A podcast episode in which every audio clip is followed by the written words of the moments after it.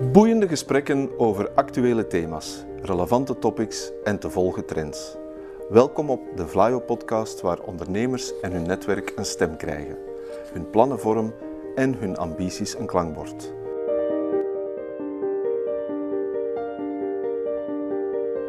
To the point waar het kan, dieper gravend waar het moet. Inspirerend, informerend, ondersteunend. Van artificial intelligence, blockchain en circulaire economie tot digitale zorg. Wij knopen het in jouw oren.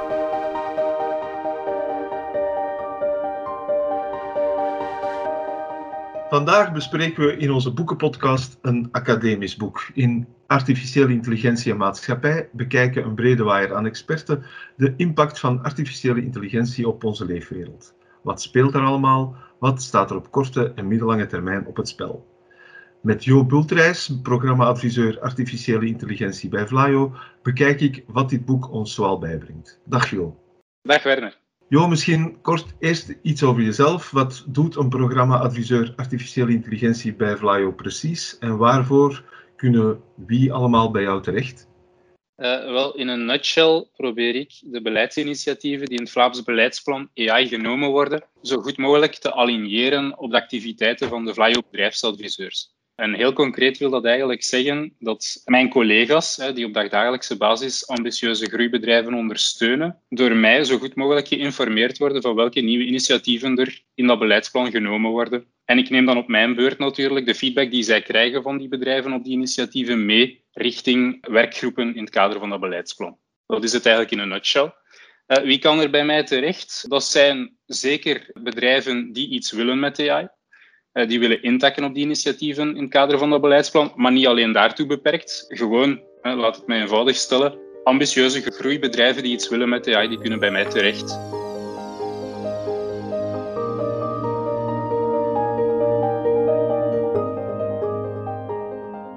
In het beleidsplan AI zijn er drie pijlers. De eerste pijler is de onderzoekspijler.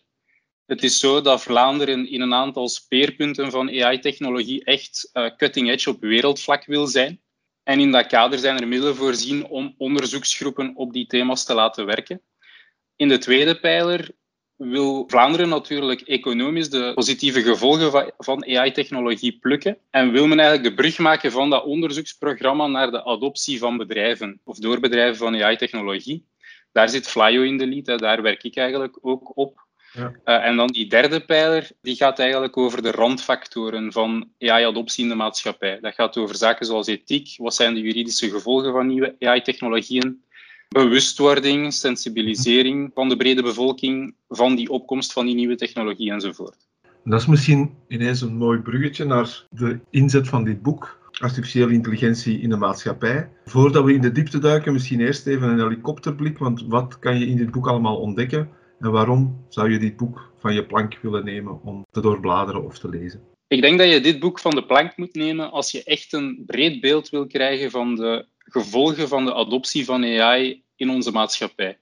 Breed is te zeggen uh, in termen van wat zijn de politieke consequenties. Uh, het, het, verkiezingssysteem kan bijvoorbeeld drastisch ondermijnd worden in het slechtste geval. Wat zijn de uh, consequenties op het vlak van de rechtspleging? Of, of, nog meer fundamenteel, is onze democratie gewapend om met die opkomst van artificiële intelligentie om te gaan? dat zijn een aantal ja, duidelijke maatschappelijke aspecten als we dan gaan kijken dichter bij huis hè, voor Flyo, eh, naar wat de economische consequenties zijn van AI eh, voor de arbeidsmarkt, eh, voor onze eh, concurrentiekracht, dan zijn dat ook een aantal topics die in het boek behandeld worden en waar op een heel genuanceerde, wetenschappelijk onderbouwde manier op ingegaan wordt.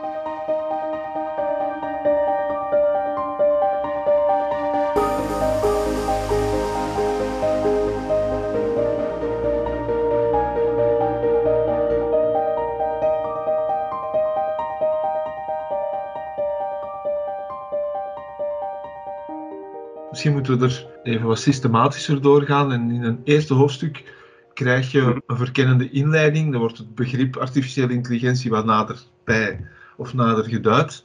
Waar komt het vandaan en, en wat kunnen we ermee? Wat is het en wat is het nog niet? Wat zijn de uitdagingen? Vind jij dat een goed vertrekpunt voor leken op het vlak van artificiële intelligentie? Ik vind dat een zeer goed vertrekpunt. Het vat het eigenlijk heel kernachtig samen, want AI zal denk ik altijd wel een vrij complex topic blijven voor iemand die er niet dagelijks mee bezig is. Uh, maar in dat eerste hoofdstuk krijg je op zijn minst een inleiding in de termen die je meer en meer ziet passeren, ook in de media bijvoorbeeld. Als het gaat over deep learning, machine learning, eh, deep neural networks enzovoort, dan worden die daar gekaderd en wordt er bijvoorbeeld ook uitgelegd dat die onderdeel zijn van datawetenschap, wordt de link gelegd met dimensies zoals eh, data mining bijvoorbeeld. Dus ik vind het voor een leek wel verhelderend, maar het gaat niet tot op detailniveau. Een van de dingen die in dat hoofdstuk worden aangehaald is het belang van data. Dat weten we natuurlijk, maar het belang ook van metadata. En dan mhm. komt het begrip FAIR ter sprake.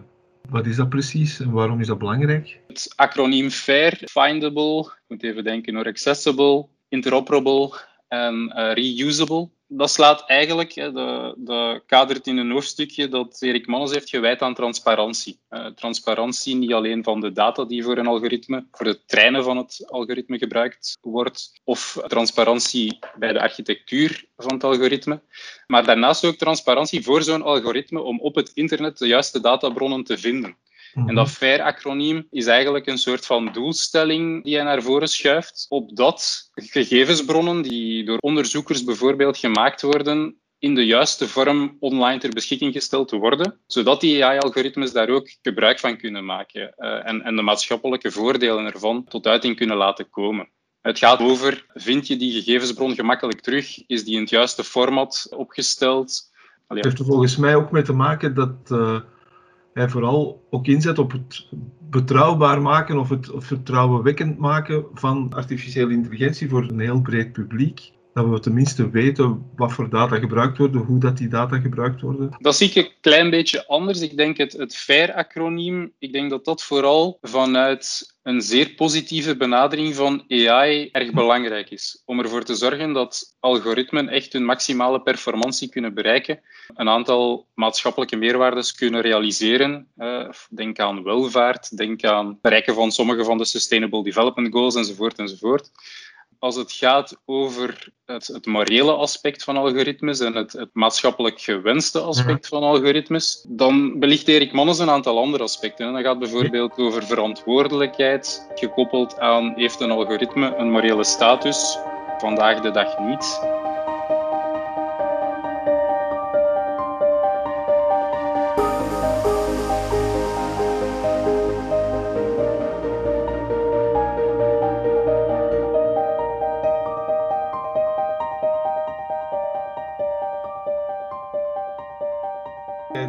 Controleerbaarheid en robuustheid van de data. Ja, we willen eigenlijk komen tot de tegenstelling tussen enerzijds hè, dat, dat FAIR-acroniem dat vanuit een zeer positieve benadering van AI naar voren wordt geschoven als iets belangrijks, en anderzijds dan een aantal aspecten die uh, vanuit een meer voorzichtige benadering van AI erg belangrijk zijn. En dat zijn bijvoorbeeld dan die voorspelbaarheid, controleerbaarheid, robuustheid, uh, verantwoordelijkheid. Uh, robuust Bijvoorbeeld bij een zelfrijdende auto, als die een verkeerslicht nadert. En op dat verkeerslicht is een sticker geplakt, hè, juist op de, op de juiste locatie, um, dan kan die zelfrijdende auto dat verkeerslicht misschien interpreteren als een groen licht, terwijl het rood is, met alle gevolgen van dien. En dat gaat over robuustheid, kan het algoritme bedot worden. Verantwoordelijkheid, gekoppeld aan morele status, ja, dan kom je misschien bij het hoofdstuk, het ethisch hoofdstuk dat ook in het boek zit, over autonome wapens, waar een hele eh, argumentatie wordt opgebouwd rond het feit of autonome wapens wel mogen ingezet worden op basis van het feit dat zij misschien niet ter verantwoording kunnen geroepen worden. Ik vind het boek op dat vlak van die, of het hoofdstuk van Erik Mans op dat vlak rond die morele status wel erg prikkelend. Je voelt eigenlijk, althans dat is mijn interpretatie, dat hij voorstander is van het verlenen van een bepaalde morele status aan AI-algoritmes aan een machine. In eerste instantie, ik althans, uh, had daar het idee van oei, moeten we dat nu echt wel doen? Je merkt ook in andere hoofdstukken van het boek dat er andere wetenschappers zijn die daar ook zeer sceptisch tegenover staan. Maar ik vond dat hij wel op een heel vindingrijke manier je eerste oordeel daarover op losse schroeven zet. Hij stelt zich bijvoorbeeld de vraag wat heeft het meeste of de hoogste morele status? Een net bevruchte eicel van een mens die zich nog van niets bewust is, die geen waarnemingsvermogen heeft, of een hond. die wel een, bewust, een, bepaald bewustzijn heeft en daarnaast ook in staat is om dingen te voelen. Met als brugje dan natuurlijk, het gaat niet zozeer over de drager, hè. zijn de ons menselijk gestel of hardware van een computer, maar het gaat over die aspecten. Het gaat over bewustzijn en al de gewaarwording die misschien in de toekomst door een computer net zo goed als door een mens zouden kunnen ingevuld worden. Ik blijf het daar persoonlijk enigszins moeilijk mee hebben. Mag ik, mag ik onderbreken jou? Is, heb je de indruk dat dat ook mee de doelstelling van het boek is om, om dat debat wat mee aan te wakkeren? Of, of... Ja, dat vind ik wel. Het boek beoogt eigenlijk geen finale oplossingen te geven op veel van de vragen die opgeworpen worden. Uh, maar het is wel zeer prikkelend en zet eigenlijk een aantal vanzelfsprekende veronderstellingen op losse schroeven. En biedt dan de juiste argumenten om daar op een wetenschappelijk verantwoorde manier over na te denken.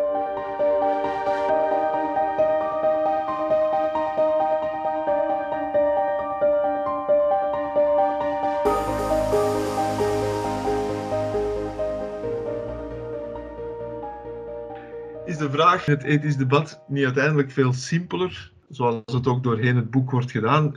Hoe goed of hoe slecht is artificiële intelligentie? Draait het daar niet om? Ja, dat is natuurlijk een makkelijke vraag met een heel moeilijk antwoord, denk ik. Daarom stel ik ze ook. Kan dat dan linken aan de vraag: is, is technologie moreel neutraal? Als ik nu een verre vergelijking maak, zoals sommige voorstanders van vrije wapenwetgeving zeggen, dat, een, dat een, een wapen aan zich neutraal is, maar het is de gebruiker die het in een bepaalde situatie inzet. Ik denk dat het in het geval van AI mogelijk toch meer complex is dan dat, omdat in een algoritme, in de fase van het trainen, een aantal keuzes gemaakt zijn. Met name op welke data is er getraind? In welke mate was die data inclusief? Zijn er daar geen verteken vertekeningen? Uh, worden geen groepen gediscrimineerd? Ja. Bijvoorbeeld. Of architecturale keuzes in dat algoritme. En die keuzes die gemaakt zijn, zijn niet noodzakelijk transparant voor de gebruiker van het AI-algoritme. Mm -hmm. Waardoor de uitkomst van, dat, van de inzet van dat algoritme eigenlijk een schijn van neutraliteit, een schijn van, hè, van wetenschappelijke onderbouwing, een aura van onaantastbaarheid bijna kan hebben. Maar mogelijk is er toch een probleem. Ja. En, en daar zie ik wel een groot verschil met bijvoorbeeld dan dat wapen. Als je dat wapen inzet, je gaat wel min of meer weten wat het gevolg van de inzet zal zijn. Bij een ja. AI-algoritme ga je ook een uitkomst krijgen, maar het is niet altijd duidelijk welke parameters tot die uitkomst geleid hebben. En stel dat je die parameters in kaart zou hebben, zou het kunnen dat sommige gewoon niet wenselijk zijn. Uh, en, en dus in die zin is het wel iets complexer, vind ik. Nou, en dat is, dat is ook een pleidooi dat de schrijvers zou voor op zijn minst een multidisciplinair team dat kijkt naar de AI en dat het niet beperkt blijft tot een heel select clubje van, uh, laten we het ons maar zeggen, witte, wat oudere mannen. Absoluut, ja, absoluut. Domeinexperten moeten ook heel goed betrokken worden bij de, bij de ontwikkeling van AI-algoritmes, bij het bepalen van de situaties waarin ze kunnen ingezet worden. Een veel voorkomend voorbeeld in het boek in verschillende hoofdstukken is de discriminatie ten opzichte van uh, mensen met een andere huidskleur. In Amerika is men iets minder voorzichtig in het algemeen bij de inzet van nieuwe technologieën. En daar heeft men bijvoorbeeld al een algoritme ingezet bij het inschatten van de kans op recidive van criminelen. Dat dan de, de gekleurde medemens systematisch bleek te discrimineren. Nu, als jij zelf niet op de hoogte bent van hoe AI werkt en wat de risico's ervan zijn, ja, dan zou het kunnen dat je naar een situatie evolueert waar zo'n zo'n voorspelling bijna vanzelfsprekend wordt en, en niet, niet tegensprekelijk wordt. En, en dat is toch wel een groot risico. Vandaar ook dat ik denk dat ja, wat meer behoudsgezinde benadering in Europa, los van de nadelen die het heeft hè, vanuit concurrentieel standpunt, toch wel belangrijk is en toch wel zijn, zijn merites heeft. Uh, zeker als het gaat over AI technologische vooruitgang is niet hm. tegen te houden. Dus het, is, het, zou naïef zijn om hier uh, in Europa of in Vlaanderen te denken van ja, wij gaan ons daar niet mee bezighouden omwille van een aantal negatieve consequenties. Dat zou zeer naïef zijn. Technologie hou je niet tegen. Maar ik denk wel dat er zeer goed moet nagedacht worden over de manier waarop dit soort technologie wordt uh, ingezet. Een, een, eigen Europese AI, waarin dan een eigen Vlaamse AI uiteraard kan passen. Um, op, op die middenweg, hè, joh. De middenweg tussen China en Amerika. Ja, je wil, je wil niet de benadering van anything goes. En je wil ook geen uh, 100% overheidsgestuurde benadering met alle gevolgen van dien, hè, want uh, wie draait aan de knoppen van die overheid? Bij ons, in ons uh, democratisch systeem, is dat misschien niet zo'n groot probleem, maar ja, dat is ook niet in steen gebeiteld, hè, de, ver, de verworvenheden van de democratie. Dus ja, effectief, ik denk dat het zeer goed is dat slimme mensen daarover nadenken. Hè. Ik verwijs naar de auteurs in het boek. Ja. Uh, en dat even slimme, maar misschien minder onderlegde mensen in dit thema zulke boeken lezen en van die uh, grote vragen op zijn minst op de hoogte zijn zonder te moeten participeren in het bedenken van de antwoorden, maar dat je toch weet welke, welke heikele thema's er zijn en wat de risico's zijn. Dat je, als je geconfronteerd wordt met een beslissing waar een algoritme aan ten grondslag heeft gelegen, dat je de vraag durft te stellen van, ja maar goed, hoe is dat algoritme ingezet? En, en weten jullie eigenlijk welke parameters ervoor gezorgd hebben dat de beslissing in deze of in deze richting gegaan is? Als je dat soort vragen kan stellen, dan denk ik dat je in de Age of AI veel beter gewapend bent als burger om je eigen rechten te verdedigen. Ja, en wat ik ook heel interessant vond, hè, want er wordt ook veel over het recht gesproken uh, in het boek en de implicaties van AI erop, was dat je in een situatie zou kunnen terechtkomen waarin dan een rechter, die ook zijn beperkingen heeft, ah, een rechter is ook feilbaar, heeft ook een aantal vooroordelen, bias enzovoort, dat hij in een situatie terechtkomt waarbij dat hij zijn beslissing zou gaan outsourcen naar zo'n algoritme, dat dan de ja. schijn van uh, onfeilbaarheid, objectiviteit. Zou, objectiviteit zou hebben. Ja, en zo zijn er nog een heel aantal praktische voorbeelden die in het boek worden gegeven van zaken waarbij je toch even zou moeten stilstaan als maatschappij. Uh, waarbij je niet zozeer uit angst alles moet tegenhouden van techno technologische evolutie, zoals al gezegd, dat is een utopie, maar waarbij dat je misschien wel door een goed debat de richting die die technologische evolutie zal nemen, mee kan sturen in een gewenste richting. Wat mij betreft, persoonlijke mening, zie ik daar ook wel een belangrijke rol voor de overheid in. Ja, een van de voorstellen is, dan komen we op het hoofdstuk rond media, om daar ook uh, wat concurrerend te zijn of een, een uh, tegengewicht te bieden via artificiële intelligentie eventueel zelfs, tegen het in een uh, geïsoleerde bubbel van nieuws en informatie te komen, wat dat je nu op dit moment krijgt door de algoritmes die, die aan het werk zijn. Is dat dan bijvoorbeeld zo'n rol die de overheid kan nemen? Um, ik ga daar niet op antwoorden. Maar wat ik wel wil zeggen, je raakt daar wel een heel terecht punt aan. Artificial intelligence can be the disease, but it can be the cure as well. Ja. Hetzelfde voor cybersecurity. Hetzelfde voor de arbeidsmarkt trouwens, hè, waar dat je inderdaad... Hetzelfde voor de arbeidsmarkt, ja. De artificiële intelligentie ons ook zal kunnen helpen om nieuwe taken en jobs te vinden voor mensen die uit de boot vallen in de eerste plaats. Door artificiële intelligentie.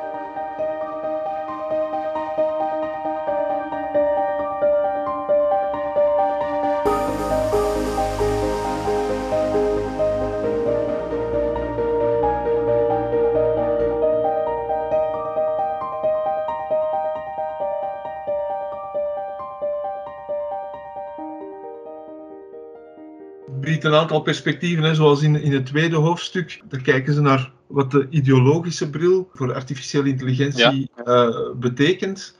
En ze laten alle politieke partijen eigenlijk aan het woord, van uiterst links tot uiterst rechts.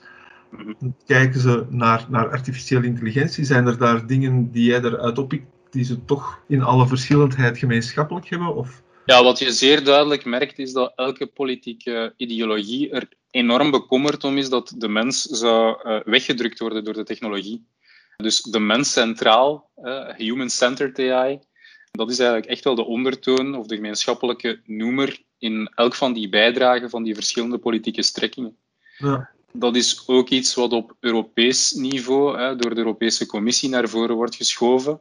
Ja, als de ideale USP, laat ons zeggen, voor Europese AI.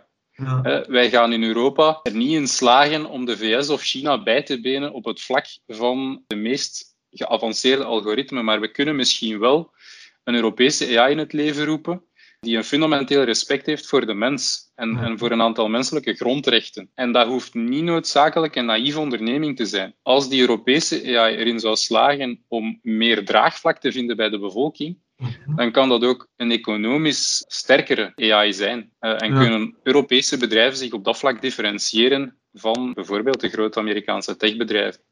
In dat kader past denk ik dan ook de, het pleidooi dat ze houden voor, voor het Solid-programma. Kan je daar iets over zeggen? dat gaat er eigenlijk over. Hè. Op dit moment heb je een scheeftrekking. Wij geven onze data met veel plezier af aan in hoofdzaak een kleine groep van grote Amerikaanse techondernemingen, omdat wij heel veel gebruiksgemak en een aantal diensten in de plaats krijgen. Maar je ziet dan, en dat wordt in het boek ook geargumenteerd, een scheeftrekking tussen de winsten die die bedrijven maken enerzijds en de arbeid die zij genereren. Je hebt heel weinig arbeid ten opzichte van heel veel winst. Je hebt daar een monopoliepositie enzovoort. Nu, in dat solid paradigma kom je eigenlijk in een situatie terecht waarbij jij als burger zelf je data beheert. Jij gaat zelf bepalen uh, welke data door welk bedrijf waarvoor kan gebruikt worden en hoe lang. En je kan je laten betalen voor dat gebruik van die data. Met andere woorden, ook de economische component van het gebruik van data wordt, wordt geredistribueerd. Waardoor we, denk ik, opnieuw als Europa een beetje een verschil kunnen maken tussen het privé georganiseerde Amerikaanse systeem, waar dat het bij de bedrijven en de grote bedrijven blijft, en China, waar het uh, bij de overheid zit. En daartussen zit dan het individu dat zelf beslist wat er met zijn data gebeurt, of zie ik dat verkeerd. Nee, dat vind ik eigenlijk wel een mooie uh, vergelijking of een mooie samenvatting. Ja. Human-centered AI. Misschien kunnen we van hier meteen een overstapje maken naar de laatste twee hoofdstukken die echt focussen op het economische aspect van, van AI. In een eerste deel kijken Johannes Wijtes en Stijn Baart naar AI en de arbeidsmarkt. Toch een van de dingen die je regelmatig ziet opduiken, gaat AI jobs vernietigen. Zij vertrekken bij de disruptie die de breimachine in 1800 ja. teweeg heeft gebracht. Maar wat zijn uw voornaamste conclusies? De voornaamste conclusie is dat AI nog niet lang genoeg op de wereld is om al definitieve conclusies te trekken. De economische ontplooiing van AI of adoptie van AI is pas sinds 2010 zich echt enorm aan het verspreiden. Wat dat wil zeggen dat het eigenlijk nog te vroeg is om te zeggen of AI meer jobs gaat vernietigen of meer jobs gaat creëren. ze baseren zich dan op een aantal voorgaande evoluties, zoals ten tijde van de industriële revolutie, eh, wat technologische vooruitgang op dat moment betekende voor het aantal jobs of ten tijde van de introductie van de computer, hè, waarbij je een aantal belangrijke verschillen hebt. Hè. Uh, toen dat ze in de, uh, weet ik veel, uh, de 16e eeuw de breimachine introduceerden, dan werden de laaggescholden geïmpacteerd bij de, bij, bij de computer. Ja, ging het dan niet, niet later en alleen meer over laaggescholden, hè. konden sommige middengescholden ook ineens zien dat routineuze taken konden geautomatiseerd worden en, en met alle gevolgen van die.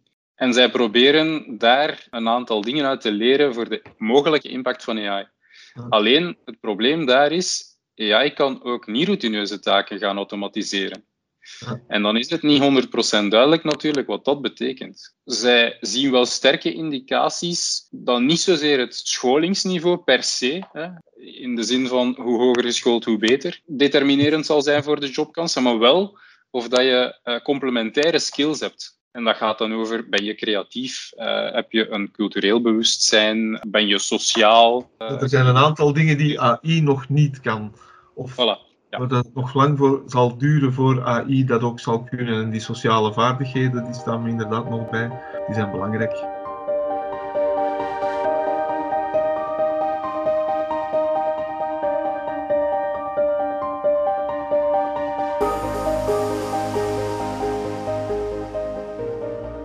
In hoofdstuk 13 zoomen ze verder in op AI en bedrijfsvoering. Er worden twee cases, uh, één rond fraudedetectie en een ander rond procesoptimalisatie, nogal grondig uitgebeend naar wat artificiële intelligentie daar kan betekenen. En dan blijkt toch op het eerste zicht een walk in the park nog niet voor morgen te zijn. En ze concluderen dan, en daar moest ik echt aan jou denken en aan jouw uh, turbo-gesprekken die je houdt rond AI. De keuze van AI of niet AI, die hangt af van een aantal zaken. En dat zijn ook precies de dingen die jij als voorwaarde stelt om als bedrijf te mogen deelnemen aan het turbogesprekken. Heb ik dat goed geïnterpreteerd? Ja, dat heb je goed geïnterpreteerd. Nee, in een nutshell, hè, eh, bedrijven moeten zicht hebben op welke data ze hebben en welke data ze nodig hebben. En ze moeten zeer goed weten waarvoor ze AI gaan gebruiken. En dat moet natuurlijk in lijn liggen met hun bedrijfsstrategie. Het heeft geen zin om in het eilen AI-projecten te gaan opzetten, omdat dat nu eenmaal hot and happening is. Maar je wil dat dat bijdraagt aan je bedrijfsresultaat.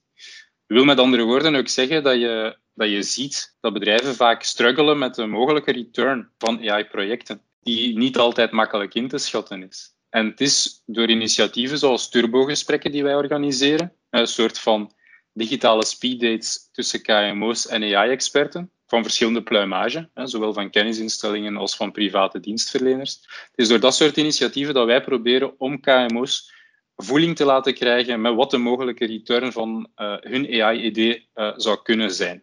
En hen eigenlijk hen in staat te stellen een aantal bottlenecks uh, weg te nemen door die zeer korte formule eigenlijk.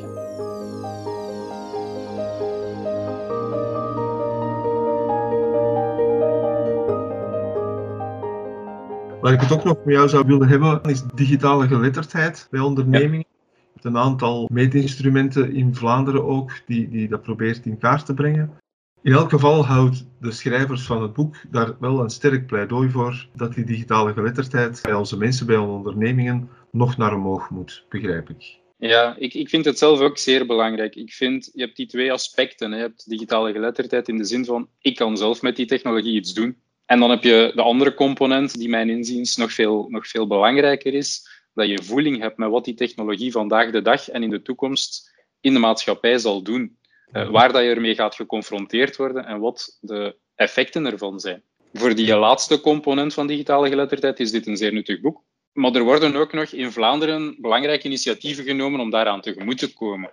Uh, als ik het daarnet had over de derde pijler van het AI-programma, dan is dat hoofdzakelijk ook daarop gericht. Ervoor zorgen dat er een brede bewustwording is van het belang en de implicaties van artificiële intelligentie in Vlaanderen. En, en, er worden bijvoorbeeld vanuit het kenniscentrum Data en Maatschappij initiatieven genomen in die richting. Van daaruit nog eens iets dat je eerder al in het gesprek aanhaalde, de morele verantwoordelijkheid van auto, autonome technologieën. Als we ja. digitaal geletterd zijn, kunnen we dat ook beter vatten. Maar dus uh, Lode Lauwert heeft het uh, over de Lethal Autonomous Weapon Systems en hoe dat we daar naartoe moeten kijken. Maar wat heb jij uit zijn betoog opgestoken? Uh, dat ethiek een zeer bijzondere discipline is, met een eigen jargon en een eigen wijze van argumenteren. Maar daarnaast ja, het feit dat de verantwoorde inzet van autonome wapens eigenlijk gekoppeld wordt aan het feit of dat er verantwoordelijkheid kan toegewezen worden. En er wordt dan een hele argumentatie gedaan waarom dat belangrijk is. Eh, ja, wat leer ik daaruit? Dat de inzet van autonome wapens niet noodzakelijk daaraan gekoppeld moet zijn aan die verantwoordelijkheid, aan het kunnen toewijzen van verantwoordelijkheid als er iets misgaat, dat dat eigenlijk aan zich ook geen probleem is. dus dat er, dat er daadwerkelijk wel een verantwoordelijke kan toegewezen worden in veel gevallen. Bijvoorbeeld de commandant die zo'n autonoom wapen inzet op het slagveld, die uh, bepaalt niet op welk uh, moment dat, of, of in welke omstandigheden dat, dat wapen dan zichzelf activeert. Maar die kan in veel gevallen wel een inschatting maken van wat de risico's zijn. Dat er bijvoorbeeld collateral damage ontstaat. En dat, dat, gaat nu, dat is een zeer specifiek hoofdstuk. Ik vind dat dat het meest, misschien het meest ontoegankelijke hoofdstuk is ook. Of althans, het vergt enig, ja, enig denkwerk. Het, het plant een zaadje om over zulke zaken na te denken. En, en mhm. dat vind ik eigenlijk de grote verdienste van het boek. Je gaat er weinig definitieve antwoorden in vinden, maar je gaat wel op een hele snelle manier een inzicht krijgen in wat de belangrijkste vragen zijn rond AI in verschillende wetenschappelijke disciplines. En dat stelt je dan in staat, denk ik, om op een meer gefundeerde manier er ook over na te denken. En ook, zoals je daarnet zei, meer data geletterd uh, te worden. Of meer AI geletterd in, in, in dit geval. Ja, ik vind dat ook. Alleen het enige manco aan het boek, persoonlijk vind ik dat, dat het per hoofdstuk wel eens wat wil verschillen aan diepgang. Er zijn sommigen die het redelijk aan de oppervlakte houden en, en waardoor ze heel erg leesbaar zijn.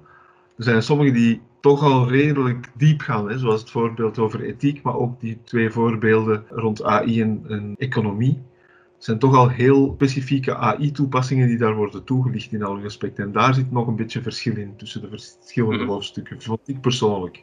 Maar al bij al de moeite waard om toch vast te pakken als je even wil kijken wat artificiële intelligentie de volgende jaren met onze maatschappij gaat doen, denk ik. Ja, absoluut. Heel erg bedankt Jo voor jouw klare kijk op waar het met artificiële intelligentie naartoe kan, moet en hoe dat boek daartoe kan bijdragen of de lectuur van dat boek dan. Bedankt en tot de volgende keer. Met veel plezier en dankjewel voor de suggestie.